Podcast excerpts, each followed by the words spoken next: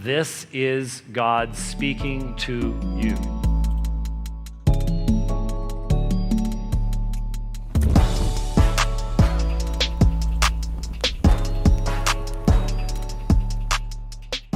So, when I was born again, one of the first things I did was I started reading the Bible. Vandaag de dag zien we veel vrijzinnig christendom in Nederland. Uh, wat bedoel ik daarmee? Wat ik daarmee bedoel is dat veel christenen niet meer datgene wat de Bijbel zegt lijken te zien als het ultieme gezag wanneer ze hun mening vormen over uh, onderwerpen. Uh, wanneer ze standpunten nemen over onderwerpen als uh, abortus of menselijke seksualiteit, wat het betekent om een man of een vrouw te zijn. Uh, daarin lijkt voor veel christenen de Bijbel niet langer het einde van de discussie te zijn.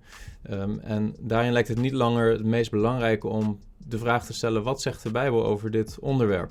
De vraag is alleen: hoe kijkt Jezus aan tegen de schrift? En hoe keek Jezus aan tegen de schrift? En wat weten we daar eigenlijk van? Want ja, als je als christen een volgeling beleidt te zijn van Christus en jouw visie op de schrift en het gezag van de schrift heel erg afwijkt van uh, Jezus' visie op de schrift, dan moet je afvragen in hoeverre je daadwerkelijk een christen bent of een volgeling van Christus. En daarom wil ik een paar Bijbelteksten met jullie lezen waarin we zien hoe Jezus aankijkt tegen de schrift. En de eerste tekst vinden we in Matthäus hoofdstuk 5. In Matthäus hoofdstuk 5, vers 17, daar zegt Jezus het volgende. Denk niet dat ik gekomen ben om de wet of de profeten af te schaffen. Ik ben niet gekomen om die af te schaffen, maar te vervullen. Vers 18, want voorwaar, ik zeg u, totdat de hemel en de aarde voorbij gaan, zal er niet één jota of één titel van de wet voorbij gaan, totdat het alles geschied is. Uh, weet je, Jezus in zijn tijd had natuurlijk alleen het Oude Testament. En daar spreekt hij hier over, over de wet en de profeten. Wanneer Jezus spreekt over dat Oude Testament, dan zegt hij in feite dat totdat de hemel en aarde voorbij zullen gaan, dat die oud-testamentische geschriften niet voorbij zullen gaan. Sterker nog, hij zegt dat er geen jota of geen titel van voorbij zal gaan. En wat bedoelt hij daarmee? Wat is een jota en wat is een titel? Nou, een jota, dat is eigenlijk de kleinste letter van het Griekse alfabet. Dus met andere woorden, uh, Jezus zegt er zal geen enkele letter, hoe klein dan ook, van die oud-testamentische geschriften voorbij gaan. Het kan ook zijn dat Jezus hier refereert naar de jot. En de jot is ook een erg kleine letter in het Hebreeuws. En wat is een titel? Nou, een titel dat is eigenlijk net zoiets als een puntje op de i in onze taal, maar dan in het Hebreeuws. Met andere woorden, wat Jezus eigenlijk zegt is dat het woord van God niet zal veranderen, dat het blijvend is. Hij heeft zijn woord gegeven uh, en specifiek spreekt de Heer Jezus hier natuurlijk over het Oude Testament, maar dit is een principe wat we kunnen toepassen op de volledige openbaring die God ons heeft gegeven, zowel het Oude als het Nieuwe Testament. Jezus zegt eigenlijk hetzelfde in Lucas 21, vers 33, maar dan zegt hij net nog iets anders. Hij zegt: De hemel en de aarde zullen voorbij gaan, maar mijn woorden zullen beslist niet voorbij gaan. Dus hier heeft hij het niet alleen over de oud-testamentische geschriften, maar heeft het over de woorden die hij spreekt. Over de openbaring van God door de Zoon. Met andere woorden, het Nieuwe Testament. Dus het volledige woord van God, zowel het Oude als het Nieuwe Testament, in geschreven vorm, zal niet voorbij gaan voordat hemel en aarde voorbij zullen gaan. Het woord van God is eeuwig van kracht en is daarmee ook nog altijd relevant voor ons als kerk, ook al is het 2000 jaar later. De hemel en de aarde zijn immers nog niet voorbij gegaan. God bewaart zijn geschreven woord tot in detail. Als we naar een ander schriftgedeelte kijken, in Matthäus hoofdstuk 22, dan vinden we daar ook een interessante situatie in het leven van de Heer Jezus in zijn bediening op aarde. Dan zien we dat de Sadduceeën naar hem toe komen en hem eigenlijk op de proef willen stellen. De Sadduceeën was een groepering, een religieuze groepering in die tijd, die niet geloofde in een opstanding. En ze wilden Jezus uitdagen en hem eigenlijk laten zien dat er geen opstanding zou kunnen zijn. En dan komen ze met een verhaal van een man die stierf zonder kinderen te ontvangen. En dan lezen we eigenlijk het volgende in vers 24 van Matthäus 22. Meester, Mozes heeft gezegd: Als er iemand sterft die geen kinderen heeft, dan moet zijn broer diens vrouw trouwen en voor zijn broer nageslacht verwekken. Dat noem je de Leviraatswet. Vers 25. Nu waren er bij ons zeven broers en de eerste trouwde en stierf. En omdat er geen nageslacht had, liet hij zijn vrouw na aan zijn broer. Zo ook de tweede en de derde tot de zevende toe. Ten slotte stierf na alle ook de vrouw. In de opstanding dan, van wie van die zeven zal zij de vrouw zijn? Want zij hebben haar alle als vrouw gehad. Vers 29. Maar Jezus antwoordde en zei tegen hen: U dwaalt omdat u de schriften niet kent en ook niet de kracht van God. Want in de opstanding nemen ze niet ten huwelijk en worden ze niet ten huwelijk gegeven, maar ze zijn als engelen van God in de hemel. En wat de opstanding van de doden betreft, hebt u niet gelezen wat door God tot u gesproken is toen hij zei: Ik ben de God van Abraham en de God van Isaac en de God van Jacob. God is niet een God van doden, maar van levenden. Maar wat interessant is hier, is dat Jezus een citaat geeft vanuit Exodus 3, vers 6. Specifiek het citaat: Ik ben de God van Abraham en de God van Isaac en de God van Jacob. Dit is een woord wat God had gesproken tot Mozes. Maar wat interessant is, is dat Jezus zegt: Hebt u niet gelezen wat door God tot u gesproken is? Dus met andere woorden, Jezus gaat ervan uit dat omdat zij het geschreven woord van God hadden, dat daarmee ook duidelijk was voor hen dat dit het woord van God tot hun was. Een woord wat God in eerste instantie had gesproken tot Mozes, maar in tweede instantie wat dus ook gesproken was tot hen. Zij worden verantwoordelijk gemaakt voor datgene wat God tot hen gesproken heeft. Maar wat verder interessant is om te zien, is dat Jezus een heel klein detail van deze tekst eigenlijk aangrijpt en daar zijn opstandingstheologie op baseert. Wat Jezus eigenlijk hier zegt is dat God toen hij zich openbaarde aan Mozes niet zei: Ik was de God van Abraham, Isaac en Jacob. Want Abraham, Isaac en Jacob waren op dat moment dat God dat zei tegen Mozes, waren al meerdere generaties overleden. Die, die leefden niet meer op aarde.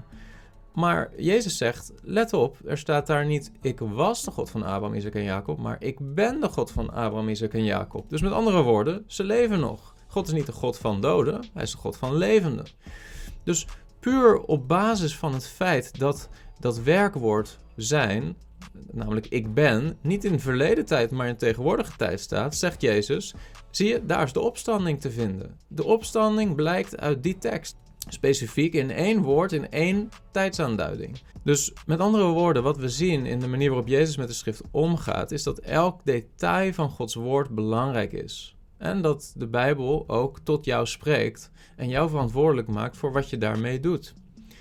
Een derde uh, schriftgedeelte wat ik jullie wil laten zien, dat vinden we in Lucas 16. En daar staat een verhaal wat jullie wellicht ook kennen over een rijk mens en een arme bedelaar, Lazarus. En dat rijke mens gaat gekleed in dure kleding en heeft veel geld, hij heeft goed eten.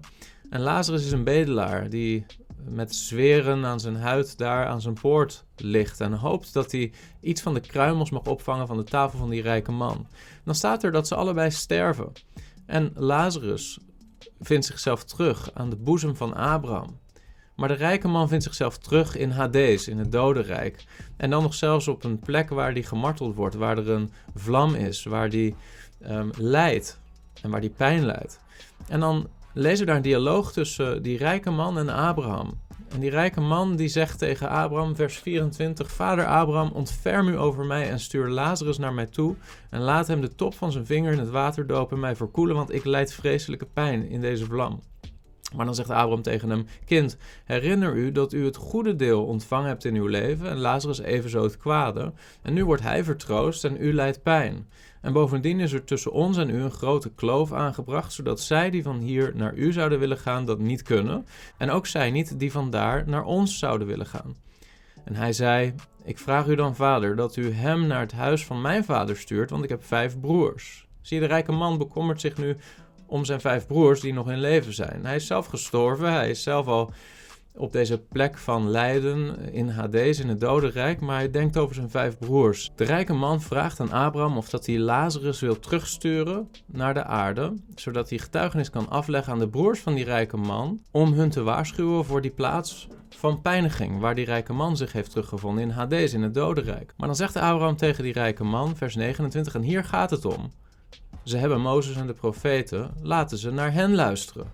Dus met andere woorden, Abraham zegt: Je had kunnen weten dat je naar deze plaats zou gaan. En ook jouw broers kunnen dat weten, want ze hebben Mozes en de profeten. Ze hebben de oud-testamentische geschriften. Dan reageert de rijke man in vers 30. Hij zei echter: Nee, vader Abraham, maar als iemand van de doden naar hen toe zou gaan, dan zouden ze zich bekeren. dat is wel een interessante gedachte, dat als er een soort bovennatuurlijk wonder zichtbaar zou worden voor zijn broers, dat ze daarmee zo verbaasd zouden zijn dat ze spontaan zouden geloven en zich zouden bekeren. Eh, zo denken we vaak. Maar het antwoord van Abraham, vers 31, is: Als ze niet naar Mozes en de profeten luisteren, zullen ze zich ook niet laten overtuigen als iemand uit de doden zou opstaan. Dus met andere woorden, wat Abraham zegt is: de schrift is genoeg. De schrift is genoeg. Gods woord is voldoende. Het is gezaghebbend. Het is door God gegeven. Het is tot in detail door God bewaard.